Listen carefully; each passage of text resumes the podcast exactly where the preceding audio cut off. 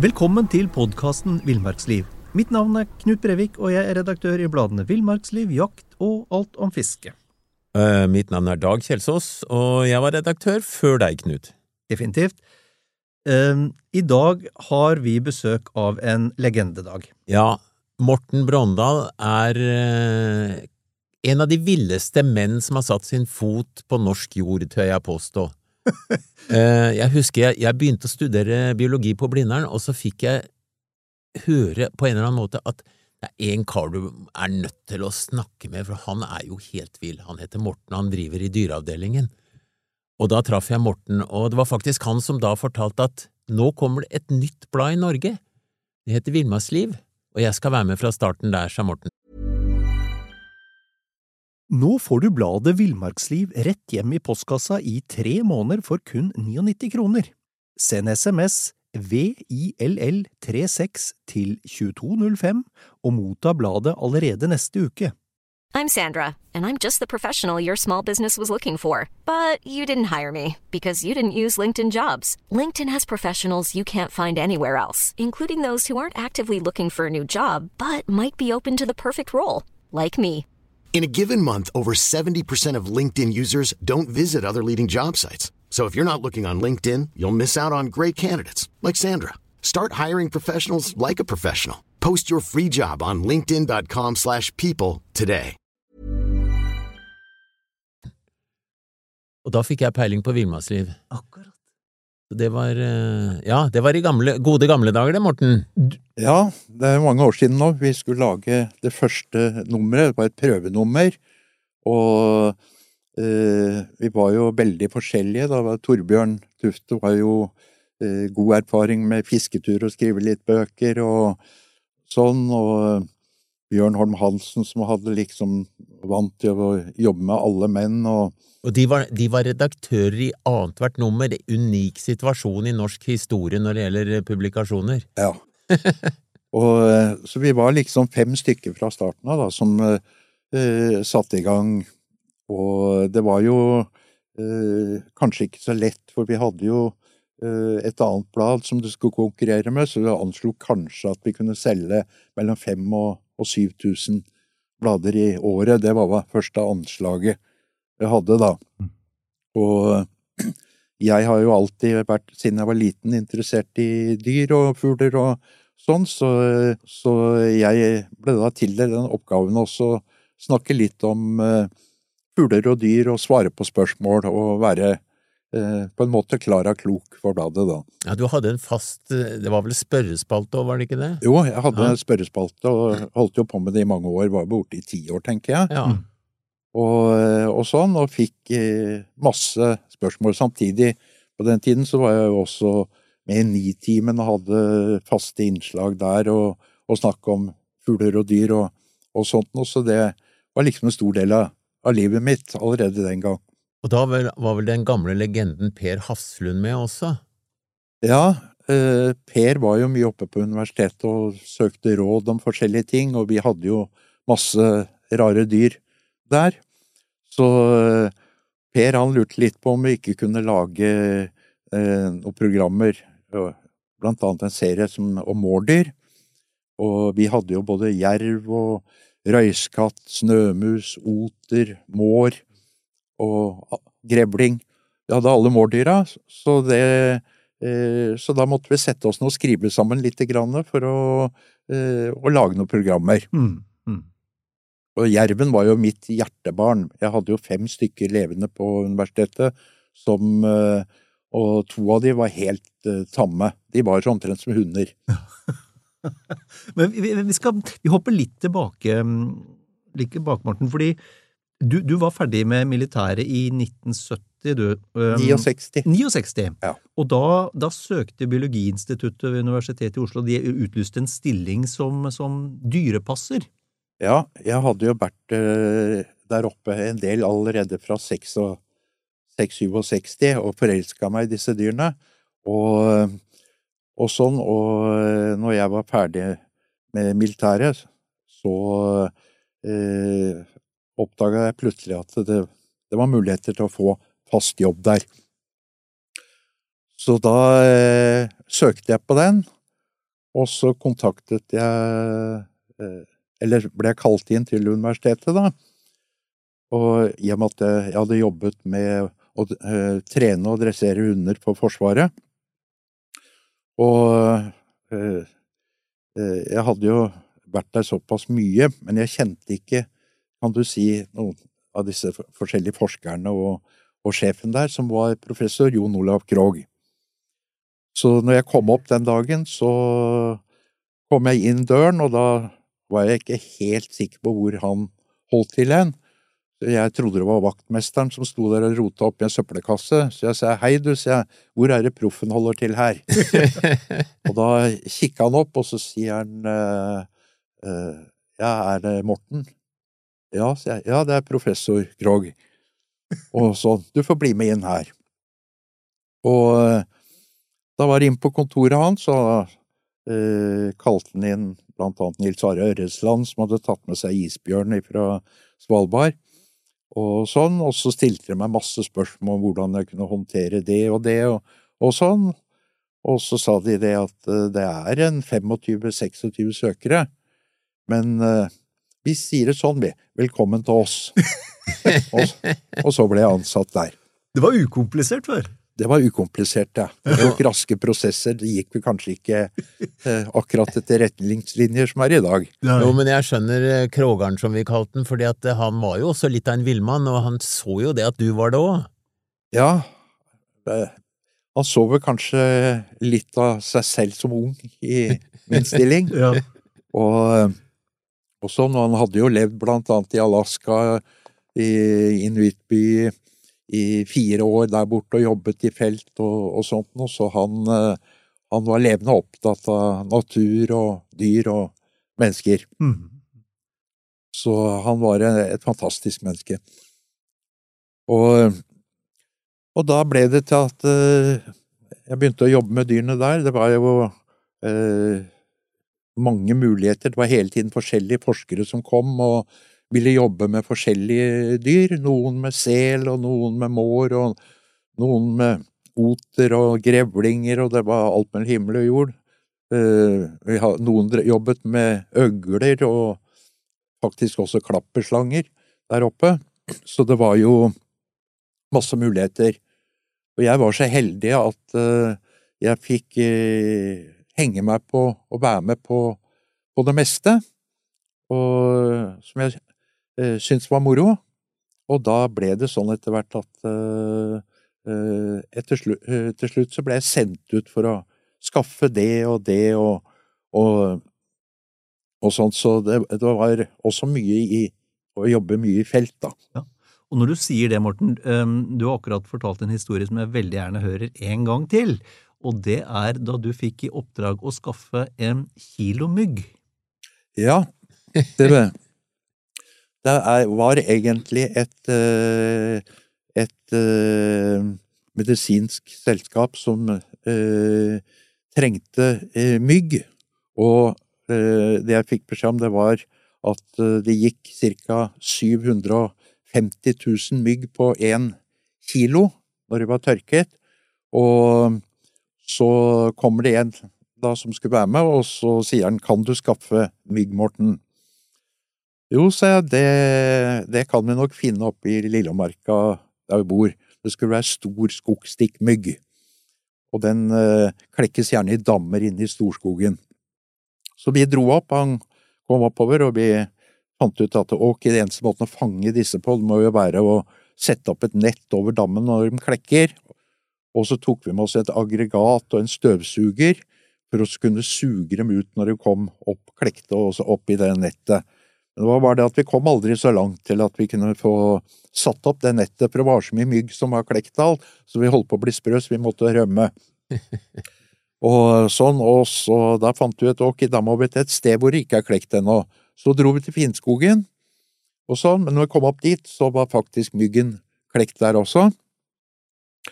Og da ble det neste, det var å prøve langt nord, og da endte det opp i Alta. Og Ole han gikk innover i skogen der med eh, ryggsekk med disse her nettene og eh, aggregat i ene hånda og støvsugeren i den andre, og da møtte han en same. Og Ole så på han, og så sier han du, hei du, sa han, er det noe sted du veit om noe mygg her? Og han ble helt stiv, så på Ole og den fremtoningen med aggregat og støvsuger, og løp for livet. Og det var riktig, Ole han greide faktisk å finne noen dammer, men øh, og, og, fikk sugd opp flere kilo med mygg, og dro til Universitetet i Tromsø, hvor de da skulle se på denne myggen, men i Norge så er det vel, jeg tror jeg ikke tar feil, at det er 39 myggarter eller noe sånt, og det var feil myggart. Så da ga han opp, og så reiste han tilbake til meg på Finnskogen. Og da satt vi ute og lo av dette prosjektet hans, da. Og så samtidig var det mye mygg, så vi slo i hjel den ene etter den andre og slapp dem oppi et norgesglass. Og dagen etter så hadde vi litt moro. Da tok vi og telte opp antall mygg vi har sluppet på det glasset, og eh, da fant vi ut at for å få én kilo mygg, så måtte vi sitte der hver dag, hele døgnet, sommer som vinter, i 800 år for å få én kilo mygg. Så da ga vi opp det prosjektet. Men det var morsomt. Ja, Hvilke av de dyra du har vært borti, syns du har vært mest interessante? For du har jo vært borti alt fra mygg og til løver og myrart gjennom livet. Eh, hjertebarna mine har vært mordyr. Ja. uten tvil. Og vi hadde jo fem jerver på universitetet. Eh, to av de ble faktisk tamme som bikkjer. Jeg kunne ta dem i halen og snurre dem rundt, og de syntes dette var kjempemoro. Og hvis det var noe som eh, At de blei litt hardhendte, så tok jeg dem bare i nakkeskinnet og rista dem litt, og så var alt i orden.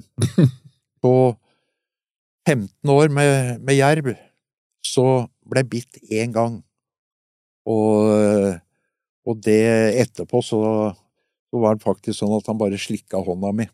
Så det var eh, ganske merkelig Det var en jeg skulle ha med på veterinæren for å undersøke ham, for han hadde et sår. Og så hadde jeg bedøva han, og så våkna han i bilen. Det, da likte han ikke å kjøre bil. Nei. Det ville han ikke være med på.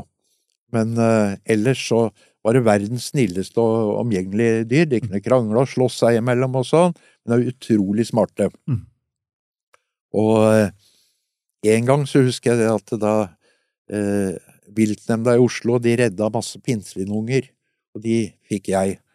Og lurte på om jeg kunne fòre dem opp. Og jeg tror jeg hadde oppi 80 pinnsvin ene gangen. Og det, den kassa med pinnsvin som skulle overvintre til neste år, den sto eh, ikke så langt ifra buret. Og den natta så var en av jervene greide å rive opp nettingen og komme ut. Og da var det rett bort til kassa. Og da hadde han fest med disse her pinnsvinene, men de rulla seg sammen. Men så mye pigger som satt i nesepartiet og i labber, har aldri sett. Og sånn. Men faktisk var det ikke verre enn at eh, jeg tok jerven på fanget og trakk ut pigger som satt i nesa på han og i labbene på han, uten at han uh, beit. Og jeg har hatt hunder som jeg ikke kan klippe klørne på engang, men til og med en jerv altså, kunne du faktisk eh, behandle sånn. Han skjønte at du var Skjønte. eh, på hans side. Ja, at jeg var på hans side. ja. Så de er Nei, så det har vært eh, eh, et av de dyra jeg har vært mest glad i. ja. Og jeg husker Per Hafslund. Han, eh, han hadde Vi hadde også noen røyskatter. Og Per, han eh, tok en sånn røyskatt, og den hang seg fast i pekefingrene hans. Og så gynga han den der fram og tilbake. og da så du at den røyskatten har brengt omkring eh, trent øya, og så gikk det for han. Og da var han helt Per var helt i ekstase over dette her. Oi. Bare for å nevne, skyte inn om Per Hafslund, han var jo norgeskjendis både på TV og radio fra 70-tallet og utover. Eh, lektor som spesialiserte seg på både fotografering og, skal vi si, forskning eh, på sitt vis på, på dyr, da. Ja, Per var jo veldig interessert i alt mulig, så han kom jo stadig vekk på universitetet og ville ha mer kunnskap om arter og, og hjelp til uh, både med dyr og insekter, alt mellom himmel og jord. Så jeg var så heldig at jeg fikk være med Per uh, uh, i en del programmer. Og et av dem var jo om jerv, da. Og måtte ta med meg den jerven ned i studio. Jeg husker det at uh, de var litt trege på å komme i gang inne i studio der, så jeg måtte stå og holde den jerven på armen i nesten en halvtime. Og da var den jerven ikke særlig interessert i å, å sitte på armen, i armene mine lenger, da, så han begynte å bli litt irritert. Men uh, så kom de i gang, da, så slapp den her inn i Vi hadde nærmest lagd liksom et rom inne i hytta i studio der, og, uh, og slapp den inn der. Og jerven er jo smart, for han så jo det at de hadde satt opp et tre inni der, så den dro rett opp stammen og opp i taket, den. Og opp blant alle kabler i taket der. Og det var jo ikke akkurat der vi skulle ha denne jerven. Og jeg hadde jo vært skeptisk til det treet hele tiden, at det ikke skulle være der inne. Nei, så den dro opp der, og da var det bare fram en stige, og jeg opp på stigen. Og det var sånn to mann holdt stigen, og så fikk jeg tak på jerven der oppe i bakbeina på den, og sånn, men da snudde jerven seg, da ble han litt irritert, så han beit etter meg, og, og knurra litt, og han har ganske kraftige lyder de lager.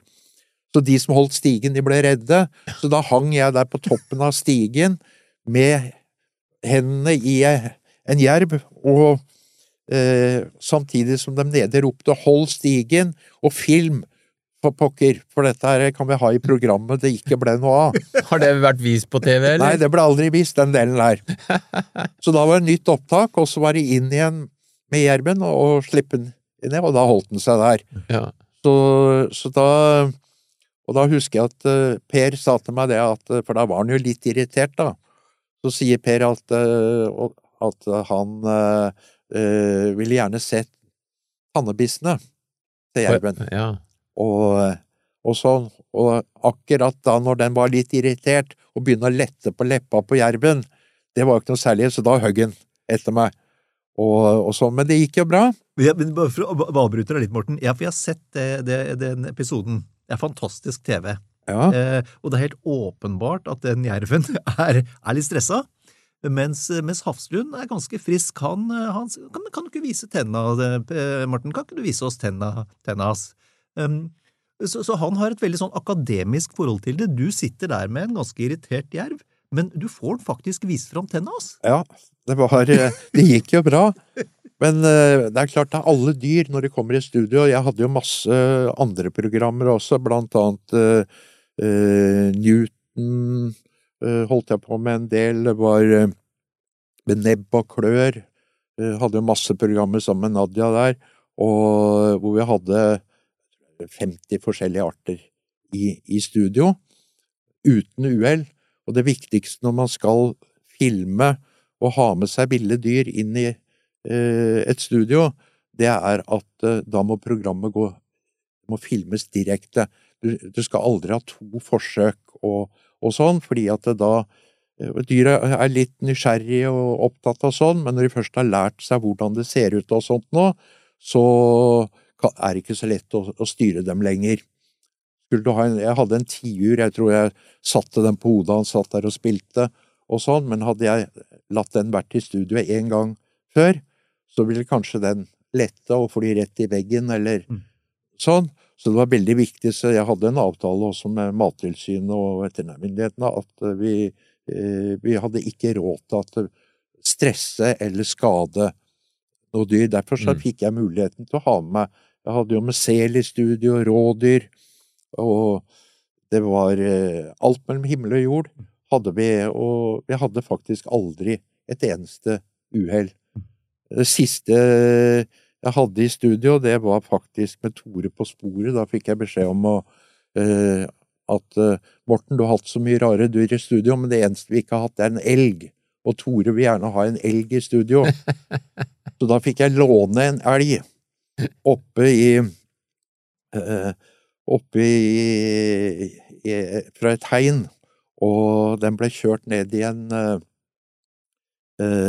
i en hestehenger og sånn, og den elgen den var, den var ettåring, men han var veldig glad i epler, så da fylte jeg lommene mine med eplebiter, og når vi skulle inn i studio da, så gikk vi innover gangen, og hver gang den så noe beveget seg, så ble han litt så skeptisk. Da var det i lomma, opp med en eplebit, og han gomla i seg den, og så var det greit. Og vi fikk han opp på scenen i studio, og han var med, og den, eh, den oppførte seg meget eksemplarisk. Og da jeg husker at når vi kom ut igjen, så sto det to yngre gutter ute. Eh, eh, de var av utenlandsk opprinnelse og sånn, og så sier den ene til meg at eh, Du, fy faen for en stygg hest, sier han til meg. Nei, sier jeg, det er ikke en hest, sier jeg, det er en elg. Det elg, hva slags, ja, men hva slags hest er det, da? og sånn, og da husker jeg da vi fikk den inn i en, og, den, og det gikk fantastisk bra. Men det var det siste dyret jeg hadde i, i studio, da, kan du si. Han var jo litt redd for at den her skulle bli skremt og, og sånn. Men uh, det er jo blitt uh, opp igjen årene. I glanstiden min så var det nok kanskje borti et par hundre programmer som, som vi hadde. Men, men, men, det jeg lurer på, Morten, for det er helt åpenbart uh, at du har et spesielt lag med dyr. Du, du leser dem godt, og du, du, skjønner, hva, du skjønner, hva, som skjer. Uh, men, men hvor, hvor, kommer det fra? Når begynte det? Når jeg var liten, så vokste jeg jo opp akkurat på markagrensa, da. Og da var jo uh, mye rart. Bestefaren min, han hadde vært på Svalbard, han lærte meg å sette feller. Jeg husker han, skulle, han viste meg hvordan de fanga rev på Svalbard, og da lagde jeg felle i hagen med, sånn, med, tre pinner, sånn som løser ut, og så festa jeg et kål, jeg hadde sett harespor, så festa jeg et kålhode i, til den pinnen. Men jeg kan jo si såpass at jeg fikk aldri noe hare i den fella. Du Morten, jeg har prøvd det samme, enda enklere med bare en løs pinne, men jeg var kanskje litt yngre enn deg. Det der går ikke. Nei, så det kunne jeg. Du klarer ikke å fange hara der. Nei, det gikk ikke. Og sånn, men så var det jo var det jo Så jeg var jo levende interessert. Jeg gjorde vel ting som kanskje eh, i dag er strengt eh, forbudt, da. Men eh, jeg hadde jo fanga en hoggorm for eksempel, som jeg hadde oppi et stort akvarium, og så tenkte jeg da det må jo ha mat, og så fikk jeg tak på to hvite mus, og jeg slapp dem oppi. Men eh, hoggormen tok aldri disse musene. Så det det endte med, var at musene spiste opp hoggormen. De bygde reir i akvariet og fikk unger, og så spiste de opp ormen. Og da var jeg ganske sjokkert. Men jeg var jo ikke gamle gutten den gangen, men det var første erfaring. Så jeg hadde jo alt fra ormer i lommene til eh, og, sånn så Og fugler som jeg fora opp og, og, sånn. Så min onkel, han kalte meg bare for fugledriteren. ja vel. Ja. Men Morten, du, du, du, kan jo ikke ha vært med på alt dette her med svære og eh, potensielt farlige dyr uten å ha fått deg noen uh, slag og bitt og sånn? Jeg har jo gjort mye fra å krabbe inn i bjørnehi, eh, hvor vi, en bjørn som var skadd, var der inne. og Jeg måtte krabbe inn og, og sånn. Og eh, Køl Mørkt var inni der. Det var et sånt jordhi. Og, eh, og den måtte jo avlives og sånn, men noen måtte jo gjøre dette her. Og den hogg jo tak i armen på meg, og sånn, men eh, det gikk gikk bra. Ja, mange, mange sting har du sydd etter dyrebitt?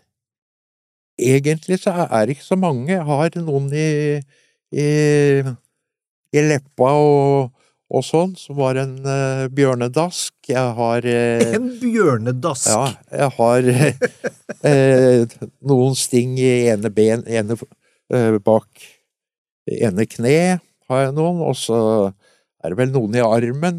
Sel, for eksempel, når vi fanget seler, så har jo de ganske skarpe tenner, og én ting er at du har disse små hvite selunge grønlandsselene på armen, som er forholdsvis rolige og, og, snille, men det er mange selarter som ikke er så snille, og de biter. Og det, det ble det av og til en del merker av, for vi skulle jo merke disse selene. Jeg ble satt til å merke flest mulig uh, sel, både i Oslofjorden og oppover langs kysten, så jeg kjørte jo i mange år uh, opp og ned i uh, både sommer og, og seinhøstes, avhengig om vi skulle eh, fange steinkobbe, eller om det var gråsel, som, eh, eller havert som det også heter, som er lengst ute i havet.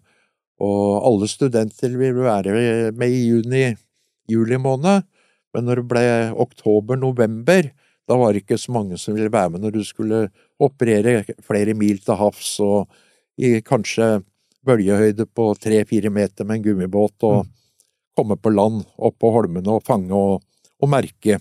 Ja, for du fortalte en gang at det beste metoden, det var når det var skikkelig drittvær, for da kom du inn nærmest i bølgedala og måkte opp på skjæret med gummibåten og heiv deg over selen. Ja, eh, vi, vi ga som regel bare full gass når vi så at det lå sel der, og kjørte rett opp på, på land. Det var gummibåter som du hadde myk bunn på, ikke plastbånd.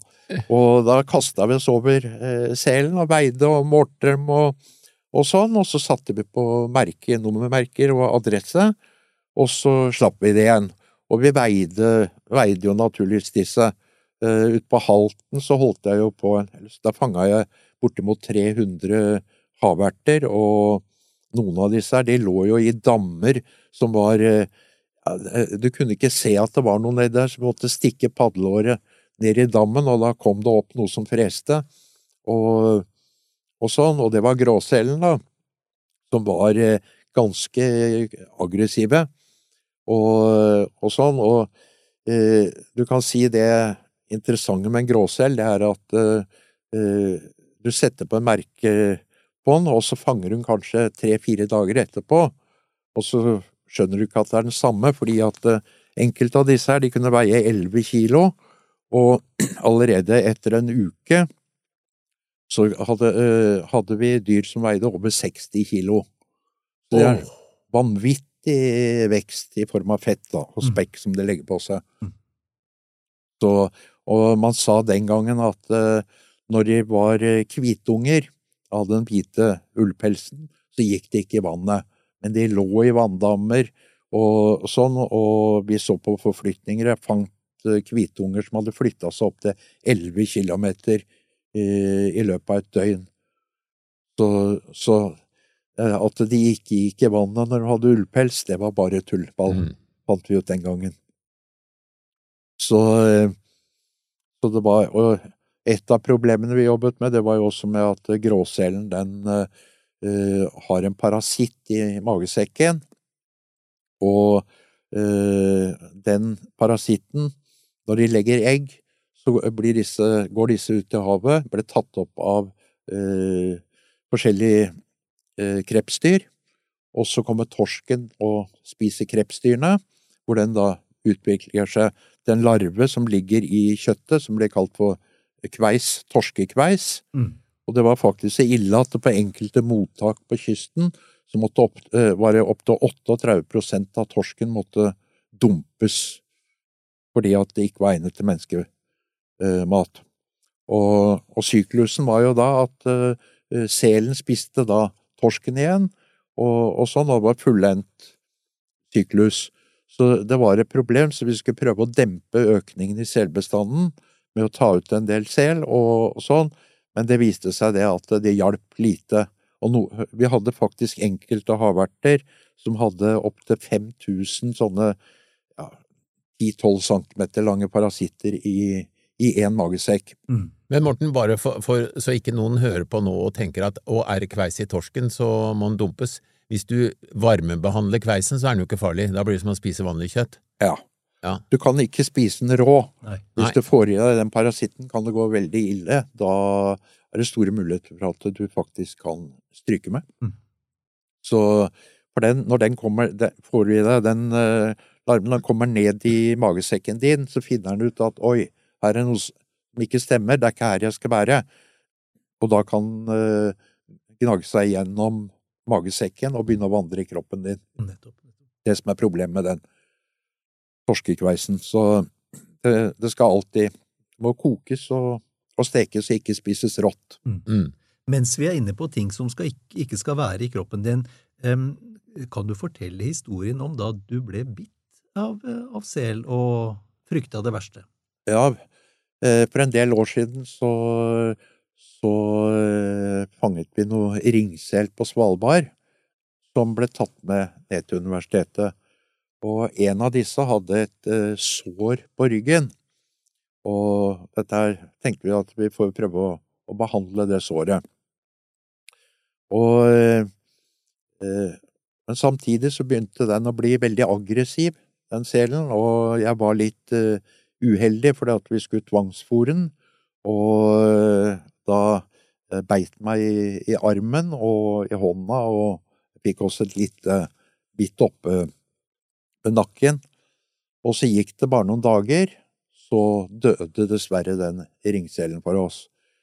Og da skulle den obduseres, og da viste da ble prøvene sendt til Danmark for å finne ut fordi han hadde bitt i treverk og opptrådte ganske merkelig. Og da, etter en måneds tid, så fikk vi beskjed om at eh, den hadde rabies.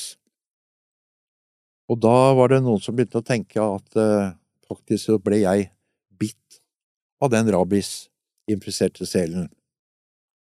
Og da ble det veldig diskusjon, da, med hva man skulle gjøre, og sånn, og eh, da ble det møter mellom det var med Mattilsynet og Helsetilsynet og flere leger som var inne i bildet. Og tida gikk, det gikk vel en måned til nesten. Begynte, så, du, begynte du, å bite noen etter hvert, eller? Ja, det var, det var sånn at det, en av legene borte på Ullevål, han reagerte veldig sterkt på dette, at det hadde tatt sin tid, og så han var sagt at uh, her må vi tromme sammen til et møte, for vedkommende må vaksineres. Og Mattilsynet sa at eh, nei, dette her vil vi ikke ha ut i norsk natur. Akkurat som jeg skulle fly rundt på skauen og så bite dyra. Men på det møtet, det husker jeg, det glemmer jeg aldri, det var eh, Da satt vi der ti-tolv stykker og diskuterte, og da uh, var det kommet en ny vaksine som var laget i USA. Og da var det liksom bare noen dager igjen til eventuelt uh, uh, av inkubasjonstiden uh, før det kunne slå ut. Og jo nærmere, så er det sånn med rabies at jo nærmere hodet du blir bitt, jo større er muligheten til å bli smitta. Og uh, så satt vi der, da, og da syns Jeg husker at ledelsen syntes at denne her vaksinen, den var veldig dyr, da. Diskusjon om det der.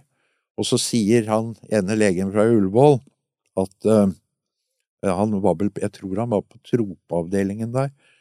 Da sa han at dette her er veldig alvorlig, vi må få fatt på vaksiner med en gang og få vaksinert den, for nå går tiden ut for oss.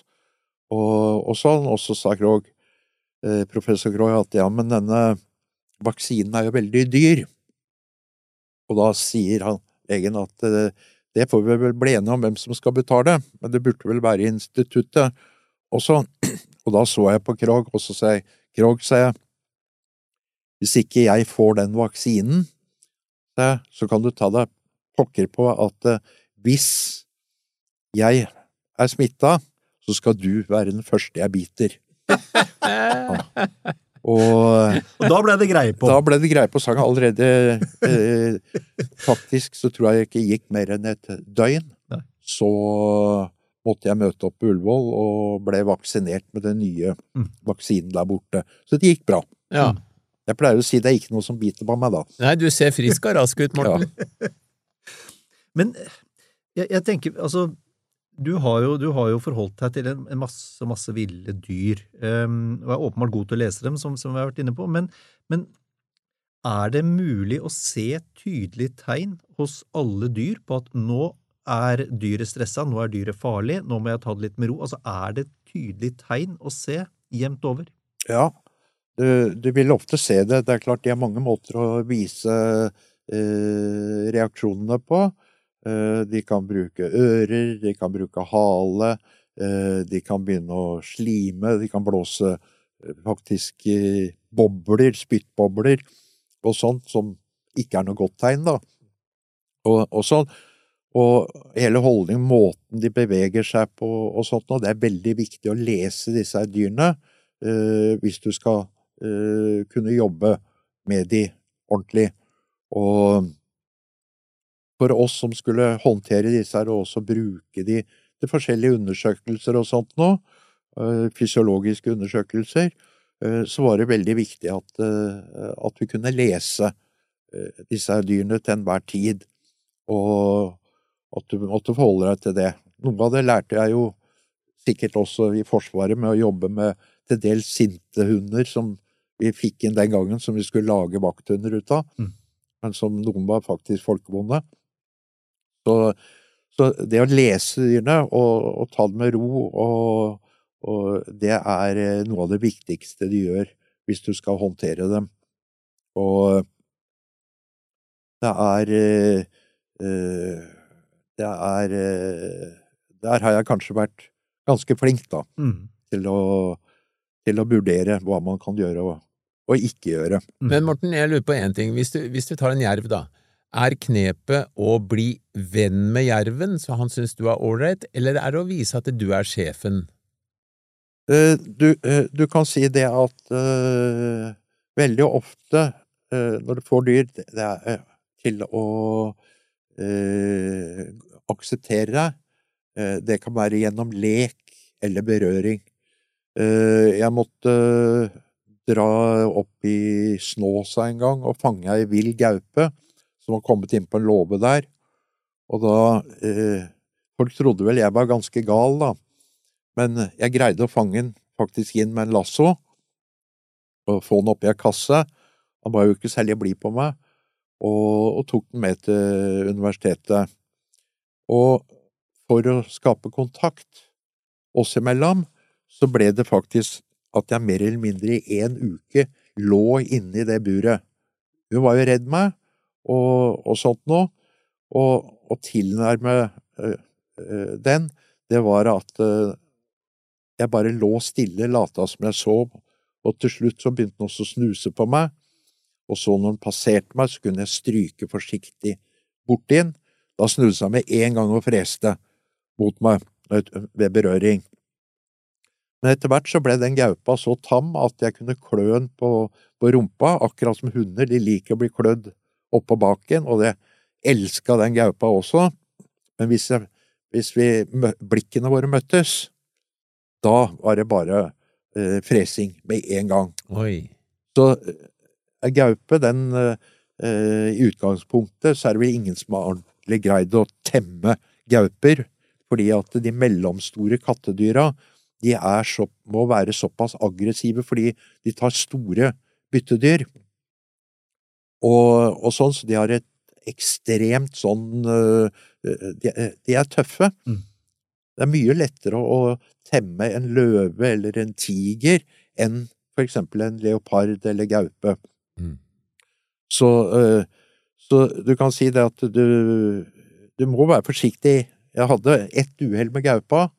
Det var jeg skulle kikke inn, øh, jeg fikk besøk av en som hadde med seg barnet sitt og ville gjerne få se gaupe, og skulle kikke om de lå inne, for de hadde fått unger hos oss. Og idet jeg kikker inn døra, så så ikke jeg at gaupa sto bak døra, og da slo hun klørne i skallen på meg og dro meg ned, og da kjente du virkelig styrken til, eh, til ei gaupe. Det gikk bra da jeg fikk et kutt som måtte sy sammen, Mhm. Men eh, det blødde fælt. Så det så kanskje mer skremmende ut enn det var. Mm. Men eh, eh, faktisk så kunne vi gå inn og ta ungene, veie, måle dem, legge dem tilbake, og, og sånn, uten at gaupa da, Hun gikk bare ut, og så kom hun tilbake igjen og, og vaska dem etter at vi hadde tatt i dem, for hun skulle ha bort den der vemmelige menneskelukta. Ja, ja, ja. Så, så du kan si det at eh, Og folk har jo vært redd for gauper, og tenk om det skulle bli angrepet i skogen av gaupe og sånn. og gaupe vil aldri angripe noen. Vi hadde et tilfelle hvor vi Det ble filmet av Det hadde vi med kamera. Uh, filma vi på NRK, og det var ei gaupe som akkurat født en unge, og så skulle vi sjekke kjønnet, og vi hadde peiler sånn at vi kunne peile oss fram, og den gaupa hadde vi på én meter. Hun freste til oss, ville ikke forlate ungen sin. Og vi hadde sånn Hvem er sterkest eh, i ti minutter mot hverandre, og så snudde hun seg og, og gikk. Og da kunne vi sjekke kjønnet på, på ungen. Så vi visste hvilket kjønn det var, og hvor mange unger det var. Og det var én unge, og så gikk vi. Og da kom hun tilbake og henta ungen sin. Så du kan si det at i mange tilfeller kan du presse disse dyra ganske sterkt uten at de faktisk Nå får du bladet Villmarksliv rett hjem i postkassa i tre måneder for kun 99 kroner. Send SMS VILL36 til 2205 og motta bladet allerede neste uke. I'm Sandra, and I'm just the professional your small business was looking for. But you didn't hire me because you didn't use LinkedIn jobs. LinkedIn has professionals you can't find anywhere else, including those who aren't actively looking for a new job but might be open to the perfect role, like me. In a given month, over 70% of LinkedIn users don't visit other leading job sites. So if you're not looking on LinkedIn, you'll miss out on great candidates like Sandra. Start hiring professionals like a professional. Post your free job on linkedin.com/people today. Eh, eh, går til angrep eller noe så. Eh, man trenger ikke være redd for å gå i skogen og møte ei gaupe og at gaupa skal ta en. Nei. Det var jo mye hysteri rundt dette med rovdyra. Og det er De fleste ville dyr vil ikke ha noe med mennesker å gjøre. Det har bare vært ubehag med, med dem i, i alle år. Mm. Så de vil helst trekke seg unna. Og eh, jeg så jo det vi eh, de, eh, Vi skulle ha noen undersøkelser med ulv og hvor mye de spiste og sånn, og da tok vi inn to ulver fra Sverige. Og disse her, for å håndtere dem, så fant jeg ut at nei, vi får prøve å, å temme dem. Og da tenkte jeg at det der er viktig å ha dem hjemme, sånn som eh, sammen med bikkja, som kunne lære av den. Og, sånn, og jeg så jo til og med etter hvert som den ulven vokste til og, og sånn, så var det hele tiden ville ikke ha noe med voksne å gjøre. Men datteren min lå på gulvet, lekte og ble rundslikka av ulven og, og sånn. Hadde ikke noe godt forhold til meg og, og kona. Og det var faktisk de første ulvene som da endte på, på Langedrag, som ble tatt inn. Og dit. Og vi brukte dem til noen undersøkelser for å se hvor mye en ulv kunne spise. Og faktisk så, så kunne en hannulv, han kunne, hannulven, han hadde ett måltid som var på tolv kilo. Mens en hund, den har problemer med noe særlig mer enn halvannen eh, En stor hund er vel kanskje halvannen kilo, eller eh, sånn, og to. Men eh, da lå jo ulven på ryggen da, i, i tre dager etterpå og bare fordøyde og fordøyde. Oi, oi, oi. Ja, så Så den er en storspiser. Mm. Mm. Men du, apropos dyr, du, eh, du har jo hatt eh, flere otere, men det var en eh, mosse. Mosse, ja.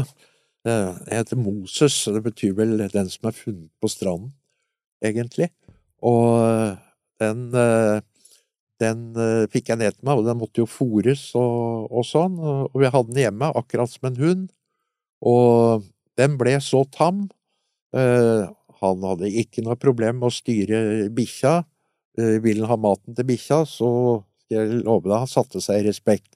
Og Mossa han ble så tam, så han var med på blant annet var med meg på elgjakta. Og han, når jeg gikk i skogen, så kom han bare humpende etter, og så hadde vi en sånn koselig Liksom sånn. Og så plystra jeg på han, og så kom han med en gang.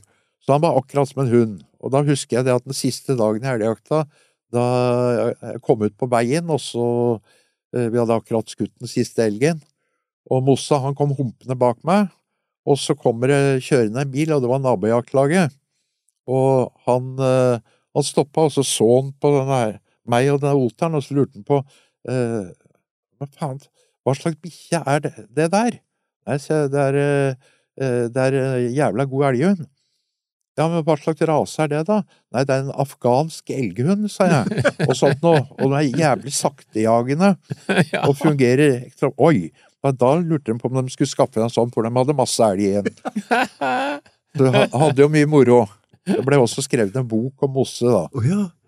Og han var med Vi, vi var og dykka på Hvaler, og han var med ut og svømte under vann. Og det var bare å plystre på han, så kom han. Han var akkurat som en hund.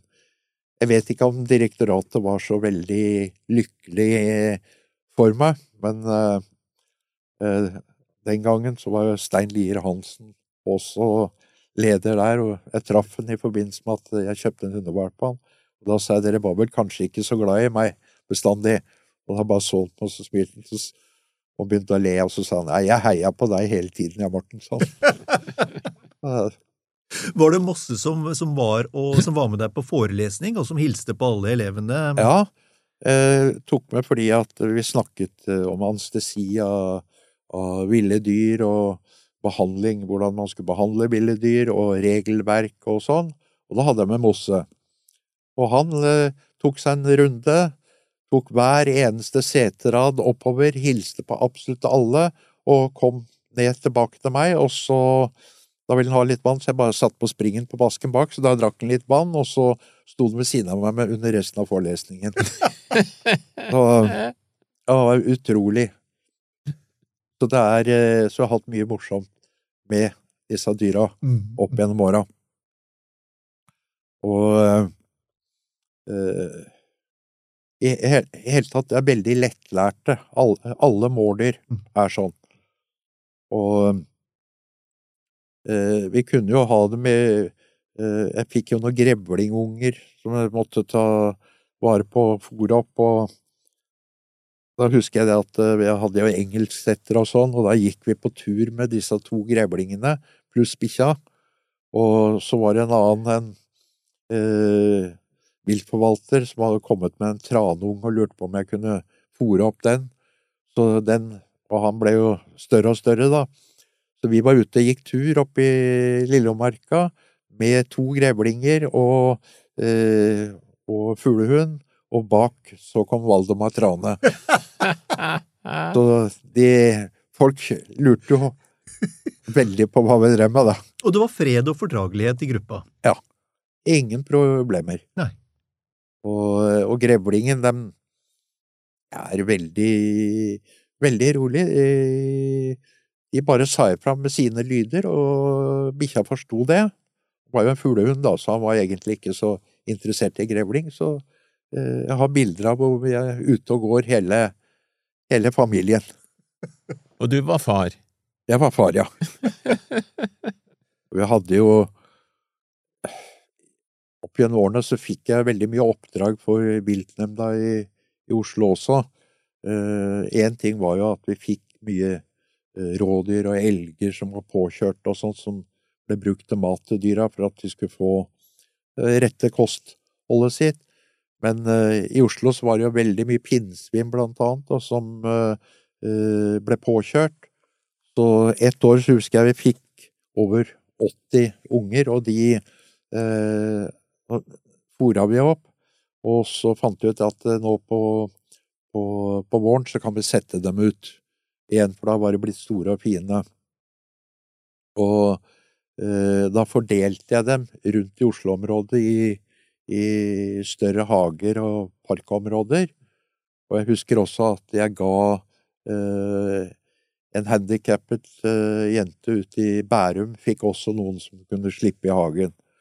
Og, og sånn, og alle syntes det var et fint prosjekt at jeg hadde berga disse her. Men uh, myndighetene var ikke sånn, for det var ikke lov å, å, å ta grevling over eh, grensene, kommunegrensene. Det var forbudt, for det var å flytte. Så jeg ble jo litt sånn oppgitt, da.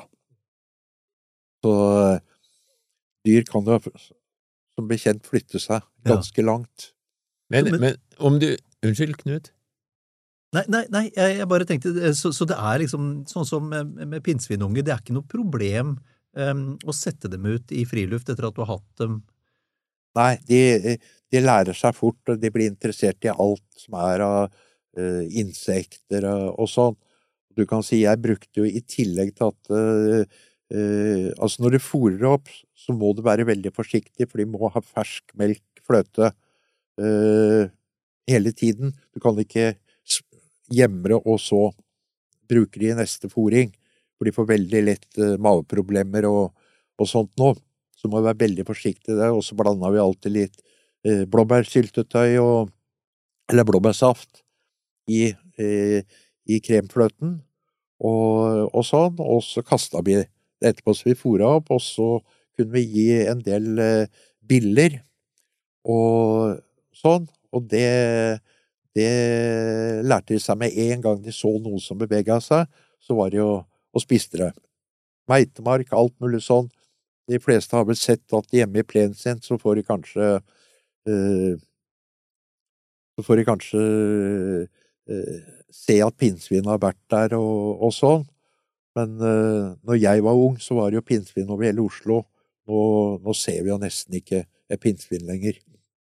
Det er borte, det blir for små områder, og alt blir uh, Plener blir holdt reine, det er ikke noe buskas å gjemme seg i, og, og sånn, så pinnsvin er i ferd med å bli borte eller utrydda i Oslo-området. Mm. Men, men, folk oppfordres jo til ikke å sette ut melk, men det er fordi den blir gammel, det er, altså, det er ikke fordi at de ikke tåler fersk melk? Nei, den blir veldig fort sur ja. i, i, varmen, ja. og det skaper problemer for, for, disse her. Så det er eh, fort gjort at de da får mageinfeksjoner, og så blir de etter hvert dehydrert og, og dør. Hvis en skal sette ut noe mat til pinnsvin, hva skal en sette ut da? Vi vil si det sånn at uh, beste er ikke å sette ut noe. Ja, ja. Ikke fòre. De klarer seg stort sett utmerket og, uh, og finne mat, for det, det, går mye insekter. Det er jo insektetere. Mm. Så de de klarer seg. Mm. En, ting, en, ting, jeg lurer på, uh, Morten, det er, og det er jo en legendarisk historie, Um, uh, og det er denne historien med disse isbjørnene bak i ei varevogn. Ja, det var uh, det var noe metabolismeundersøkelse som ble drevet på instituttet, og, og man var blant annet også interessert i å se på hjerteaktiviteten hos disse her, og metabolisme når disse dykker og sånn.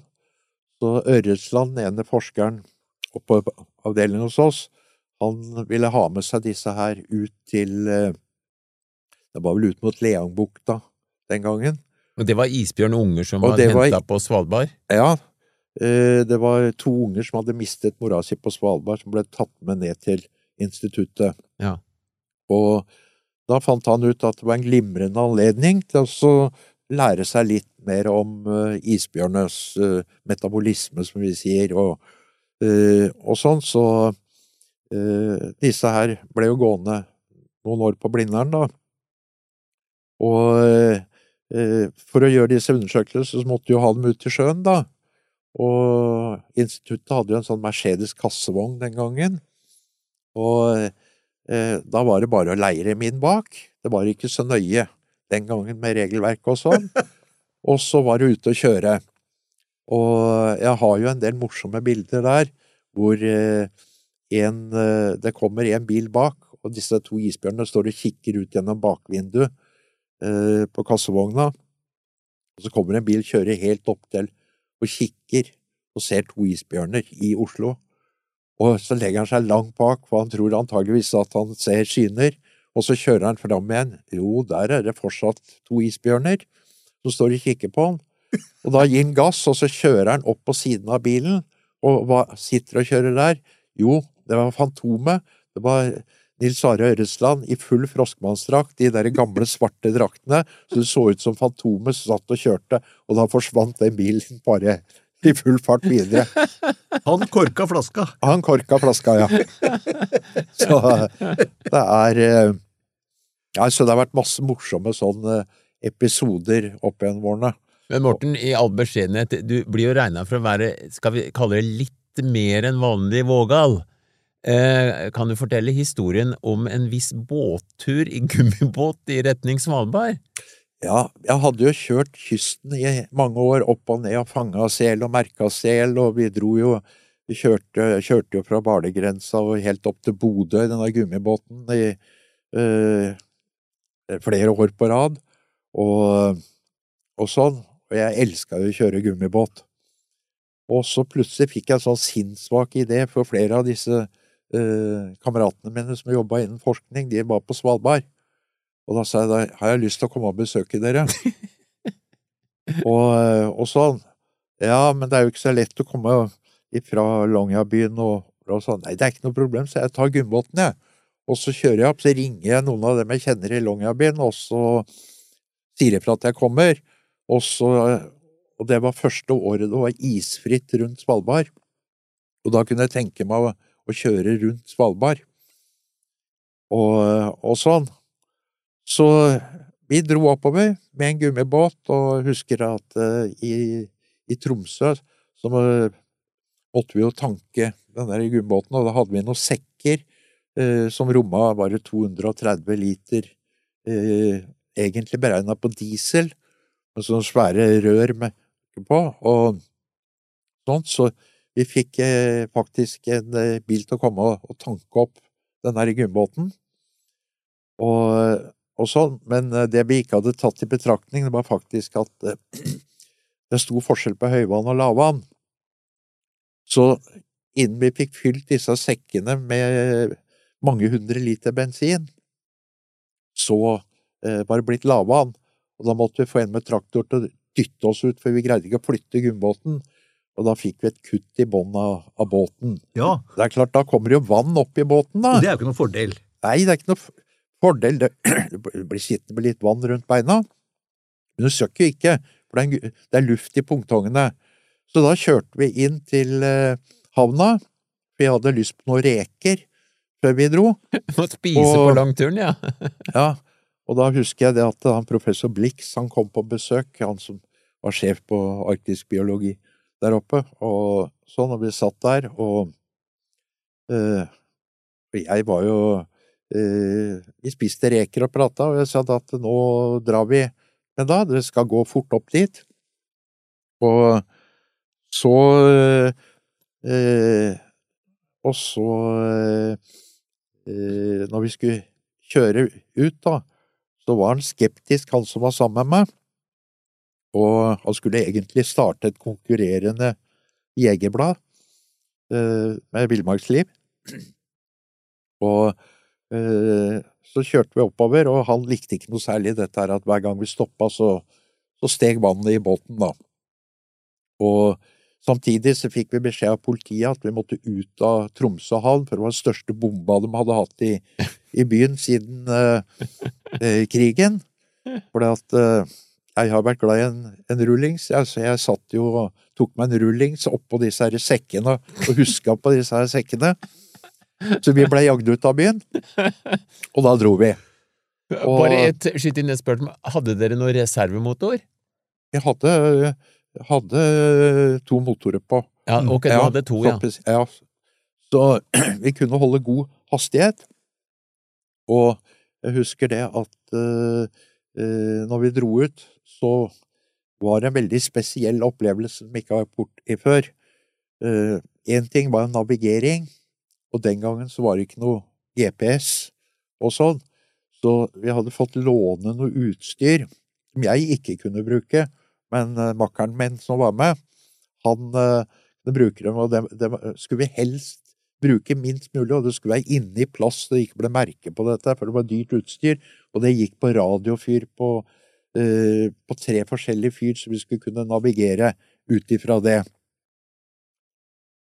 Men eh, det som var litt spesielt, var at eh, når du kjører, og så forlater du kysten, og den blir borte, og så skal du over på et nytt eh, sjøkart eller drept, og så er alt blått. Der var det ingen fyr? Der var ikke noe fyr, ingenting å gå på. Og så eh, må vi beregne hastigheten, da, og sånn at det nå er over på et nytt draft.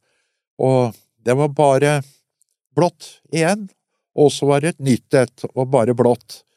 Å kjøre nordover. Det var en litt spesiell følelse, og akkurat da så hadde blant annet Russland eh, varsla en øvelse så det skulle være ikke lov med trafikk i området der.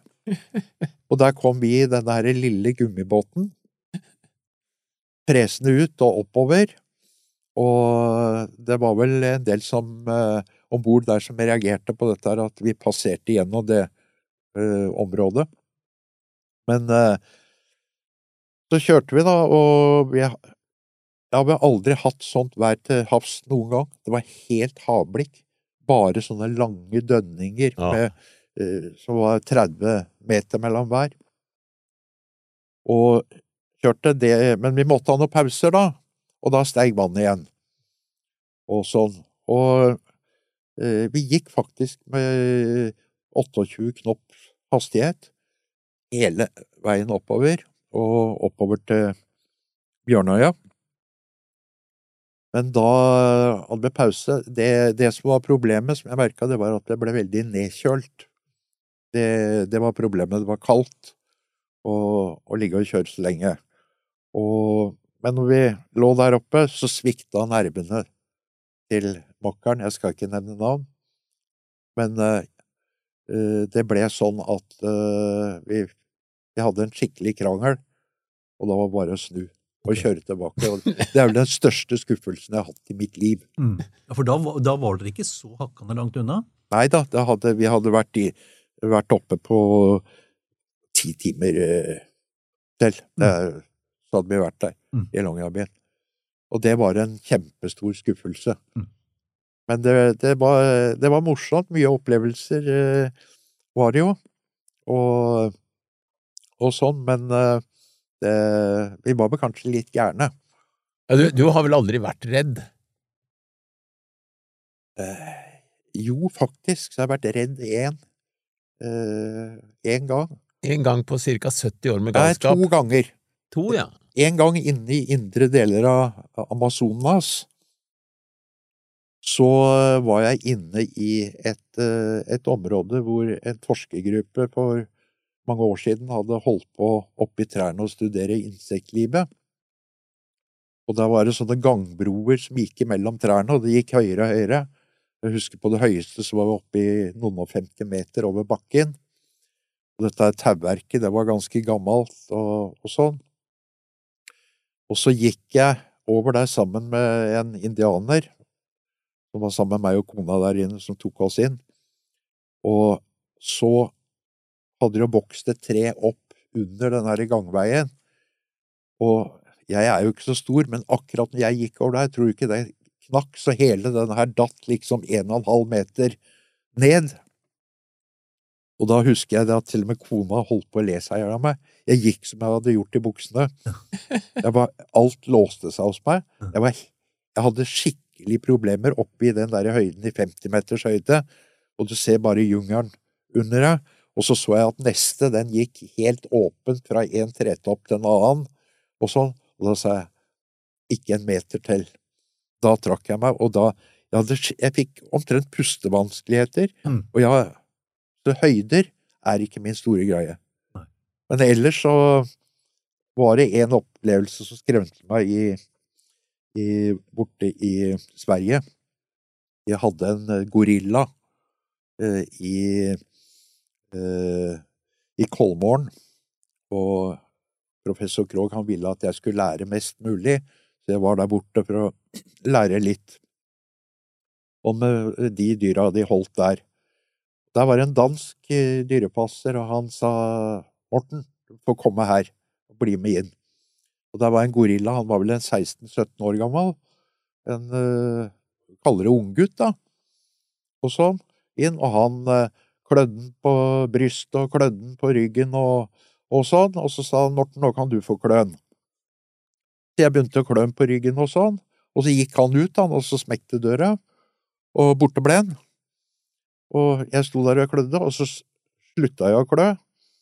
Og da plutselig så tok den der svære gorillaen og brøla ut, og så greip den et godt tak rundt nakken på meg, og så begynte den å si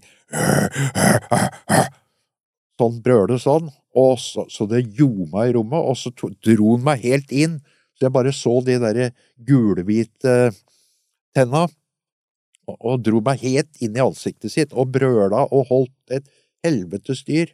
Og da kjente jeg det var eh, det, Nå er jeg ferdig. Mm. og han hadde et stålgrep i nakken på meg. Og, så, og gudskjelov så kom han danske dyrepasseren tilbake, og så sa han Morten, det er ikke noe farlig, han skal bare kløs mer på ryggen. Kløn på ryggen, du.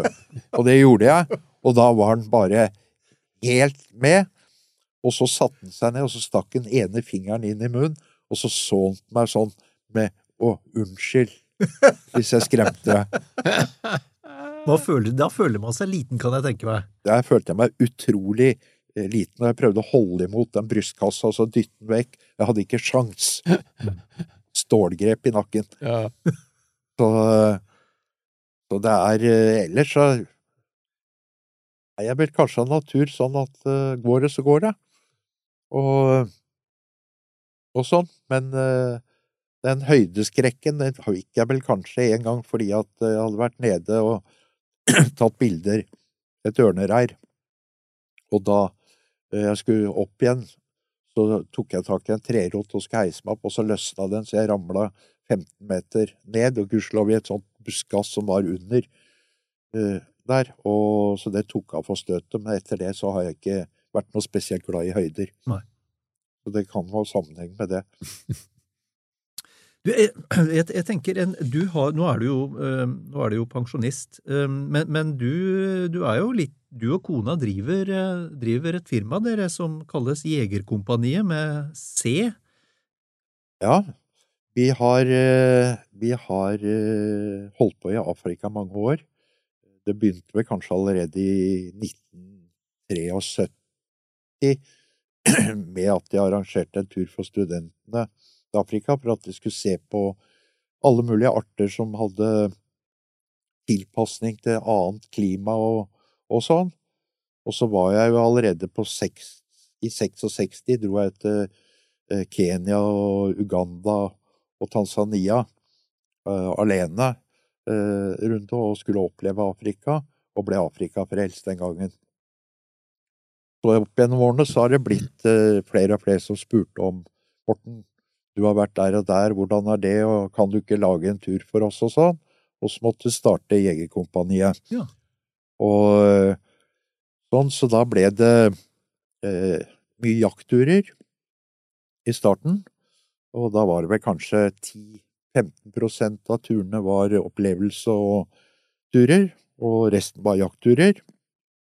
Og i dag så har det vel endret seg såpass mye at eh, i dag så er det mer opplevelse. Nå er det vel kanskje 85% som er, eh, er eh, opplevelsesreiser, Ja. og kanskje 15% som vil på jakt Ja. og ha de opplevelsene. Så, så folk som vil ha kontakt med, med, med der, det, er bare å gå på jegerkompaniet.no, kompaniet med C og Ja. G. Ja, Mm. det skrives på den gamle måten. Dumpagnid? Ja. Ja.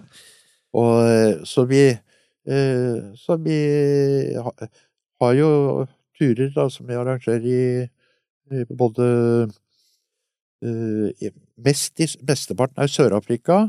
Det er, det, det er jo rimeligere alternativ og, og sånn, men kanskje litt mer eh, domestisert land, da.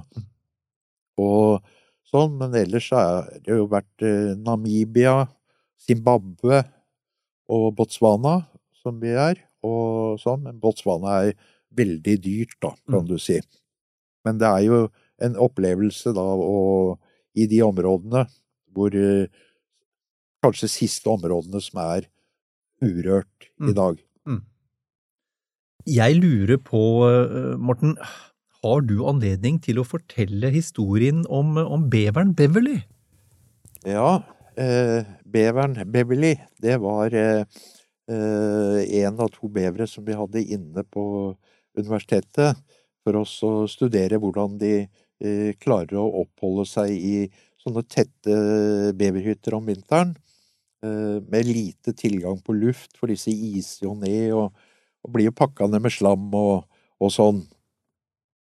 Og eh, når, eh, når vi hadde eh, gjort de undersøkelsene skulle, så sier gamle lederen i Biltnemnda her i Oslo til meg at eh, Morten, det hadde vært hyggelig å få noe bever igjen i marka.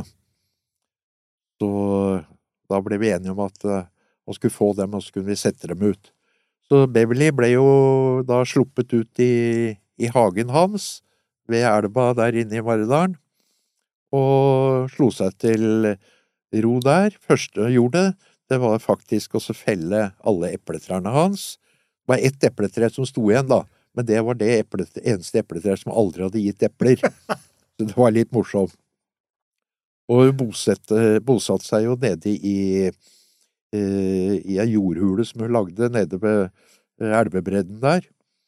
Eh, et av eh, problemene var jo at Osp er jo snadder. Så det Beverly gjorde, det var faktisk også dra ned ene dagen og felle den største åspa som var i Maridalen, over ledningsnettet, så mørkla jo hele, hele nordlige delen av, av Maridal. Og sånn. Men så eh, Vi syntes jo det var koselig at, å få bever tilbake. Og så gikk det et par år, så plutselig så ble jeg oppringt. Jeg husker ikke nå om det var fra viltnemnd eller om det var fra eh, BG eller noe. Da var det en bever som hadde eh, kommet opp på land ved utløpet av Akerselva. Og det så ut som han var grisa til med noe olje eller eh, noe fett. Og lurte på om ikke jeg kunne eh, dra ned og, og fange noe på uh, renhjorten, da. Så jeg eh, dro jo ned, da. Og når jeg kom ned dit, så uh, var det litt annet oppstyr enn det jeg uh, hadde tenkt meg. Jeg kom jo med, med buret mitt og, og sånt for å prøve å fange den inn. Men der sto det jo da sikkert ti mann fra beredskapstroppen i Oslo, av politiet, med skarpladde våpen. Og, og jeg fikk da beskjed om at jeg fikk én sjanse til å fange den beveren, ellers så måtte den felles. Trodde, Og- trodde de at det var en russisk bever, eller? han kan jo begynne å lure. Men bever, jeg har aldri hørt om noen bevere som har akkurat gått til angrep på noen. Slagbever? Altså, det kan ha vært en slagbever. Så det var Men jeg så jo en beveren satt ute på kanten der, da, så jeg prøvde å snike meg innpå, og kom veldig tett på, og så tok jeg en stor hov jeg hadde, og så slo over den. Men akkurat da reagerte han vel litt på hoven, så han fikk akkurat nakken under, og da fikk han vippa den her av, og så gikk det rett i Akerselva. Ja. Og sånn, og da fikk jeg bare beskjed om at nei, da var den sjansen gått til å fange den, Så da skulle den skytes. så da skulle den eh, avlives. Og da rykka det fram folk på begge sider av, av elva, og oppover mot dette her lokket som ligger opp hvor eh, elva liksom forsvinner innunder, da. Og sånn. Og, og de dro oppover der, men eh, beveren, den hadde bare snudd igjen, den, og kom ned, og så kom den opp på akkurat samme plassen. Så da var jeg ganske kjapt borte, og fikk kasta meg over den og tak i halen på den, og fikk løfta den opp. Og da holdt jeg Da slo den rundt, og eh, likte jo ikke det, da. Så jeg holdt på å miste noe som jeg helst vil beholde, og, og fikk sluppet det opp i kassa. Og da tok jeg den med meg opp på universitetet, og, og sånn, og tenkte ja, ja, hvordan skal jeg få vaska en vill bever? Og sånn. Og, men eh, han virka ikke aggressiv i hele tatt.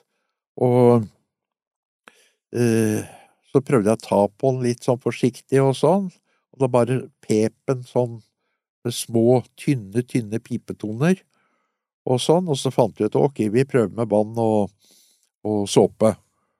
Og jeg fikk faktisk vaske hele beveren. Prøvde ikke, det var ingen reaksjon, ikke bite, ingenting ingentingen. Så til slutt så endte det opp med føner. Hun satt inne i, i buret og, og føna den med eh, hårføneren for å bli tørr. Og så ga jeg den et eple, og da holdt den faktisk rundt hånda mi og spiste av det eplet. Og eh, det jeg ikke tenkte over, det var faktisk at eh, når jeg tenker over i dag, så var det noen små hakk han hadde inn på halen. Og det hadde Beverly òg, så det var jo ingen tvil om at det var samme beveren som hadde eh, vært hos meg eh, et par år tidligere, og, og sånn. Så den oppførte seg så fint. Vi vaska den og hadde den vel inne i en 14 av tre uker, og så bare opp i Maridalen igjen og ut i det frie. Så den berga livet. Så jeg håper at den kunne bidra til sitt i marka når det gjaldt å, få en ny beverstamme. Og det er jo godt med bever nå Ja, oppe. ja. Så det var stammor til eh, beverstammen i Oslomarka, faktisk? Det var det antageligvis, for vi slapp to stykker der. Ja, Og hun huska det, hun. Ja, og det virka som den huska meg, og, ja. og sånn, for at, eh, å håndtere en helt vill bever Nei, og det- begynne å vaske den og, og føne, den, det tror jeg jeg ville latt andre få lov til å gjøre. Så det var vel ingen tvil om at det var Beverly som var Nei, tilbake på gamle tomter. Ja, ja, ja. Det er jo litt hyggelig, da. Ja. Du, jeg tenker, vi har, nå har vi bare berørt en, en, en flik av livet ditt. Det- du har jo opplevd det utroligste. Men, men sånn, sånn avslutningsvis, og du har vært med på veldig mye, avslutningsvis, er det noe du angrer på at du ikke har gjort? Nå tenker jeg her. Det er veldig vanskelig å uh, Nei, egentlig ikke. Jeg har prøvd å få med meg det, det meste, og jeg har vært så heldig at jeg hatt en vid krets med forskere som har holdt på med alt mulig, og jeg har alltid vært den første til å si 'det vil jeg være med på', og så har jeg fått faktisk så mange opplevelser som kanskje eh, ikke så mange andre har hatt eh, eh, muligheter Mm. til. Så jeg, jeg, jeg kan faktisk ikke se noe som jeg er noe spesielt sulten på Nei. å måtte gjøre i, i, i framtida. Vet du hva, hvis du spør folk over 70 år om det der, så er det bare én omtrent som svarer det, og det er Morten. Ja. Alle de andre skulle gjerne gjort mer. Det er sant. Men kan jeg få omformulere spørsmålet? Hva, hva i løpet av alle disse innholdsrike åra, hva, hva er det som har gjort sterkest inntrykk på deg i norsk natur? Eh, det, det er kanskje den enorme endringen jeg ser ute i naturen, med nedgang av arter som eh, har vært formidabel, eh, både med små og store fugler etc. Det, det, det har vært en veldig endring siden jeg eh, vokste opp, og jeg ser mange av de artene som var helt vanlige før, de blir mer og mer sjeldne, mer og mer borte. Og så må jeg vel kanskje si noe som kanskje ikke bønder blir så glad for, men den tette plantingen som vi gjør i dag ute i norsk natur, feller store områder, planter tett med gran og lager eh, biologisk ørken som ikke ligner grisen, hvor det er kanskje noen mosedyr og en og annen rødstrupe som kan leve. Finnes ikke mat for ville dyr? Jo, de kan bruke området som skjul og sånt noe, men faktisk, vi er i ferd med å, å ødelegge så mye natur rundt oss at eh, jeg synes det er helt skremmende. Mm. Mm. Og vi skal eh, Jeg har alltid vært for at vi skal høste av naturen. Det har jeg sett på som viktig og sånn. Men hvis vi ødelegger livsbetingelsene til en mengde arter, uansett hva det måtte være av fugl eller dyr, eller det, det kan være uh, sopper, det kan være hva som helst, og insekter det er, eh, Jeg ser den derre økningen som er, eh, den skremmer meg. Mm, mm. Det skremmer meg. Hva, hva, tenker du, hva tenker du er, er løsningen? Vi må, når det gjelder eh, kanskje å bevare i hvert fall skog og naturen, så må vi bevare større deler, tenke litt annerledes. Og, og vi bør ikke ha disse tette skogplantene. Jeg forstår at for, for skogbruket så er det viktig, og det er enklest og sånt noe, men det blir på en måte en eh, rasering av naturen når det gjelder arter. Mm. Og jo flere som gjør det, og større, og vi, vi, vi hugger mer og mer, eh, hva skal jeg si, eldre skog, og det er eh, det som gror opp, er en helt annen type skog som ikke gagner uh, artene som lever i, i Norge. Mm. Og, og det er et tempo som jeg syns er uh, utrolig det, det går veldig raskt. Mm. Mm. Og Så det syns jeg er veldig skremmende. Vi har behov Vi har mulighet fortsatt til å redde naturen, men vi må faktisk gjøre noe med det. Mm. Noen arter blomstrer med det. Elgen gjorde jo det når vi fikk disse store høgstområdene og all furuskogen kom opp og sånn. I dag så er det mindre, men det er de plantefeltene som gror opp, som lager Det blir eh, Alle trær er like gamle. Altså, det blir en biologisk ørken som veldig få arter kan leve i eller ernære seg av. Og det syns jeg er trist. Mm. Det, var, det var ord til ettertanke. Um, tusen takk for en hyggelig prat, Morten. I like måte.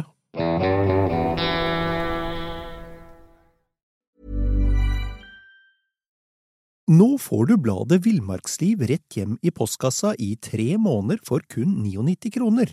I Villmarksliv kan du lese om norsk natur, ærlige tester av klær og utstyr, og mange gode turtips skrevet av erfarne friluftsfolk, fiskere og jegere. Send SMS VILL36 til 2205 og motta bladet allerede neste uke. Lev livet villere med bladet Villmarksliv.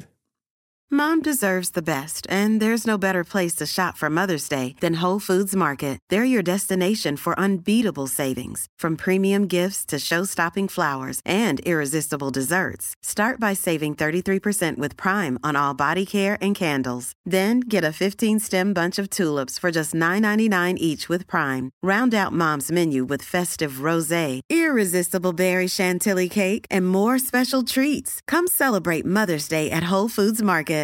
Hey, it's Paige DeSorbo from Giggly Squad. High quality fashion without the price tag. Say hello to Quince. I'm snagging high-end essentials like cozy cashmere sweaters, sleek leather jackets, fine jewelry, and so much more. With Quince being 50 to 80% less than similar brands. And they partner with factories that prioritize safe, ethical, and responsible manufacturing. I love that. Luxury quality within reach. Go to quince.com slash style to get free shipping and 365 day returns on your next order. Quince.com slash style.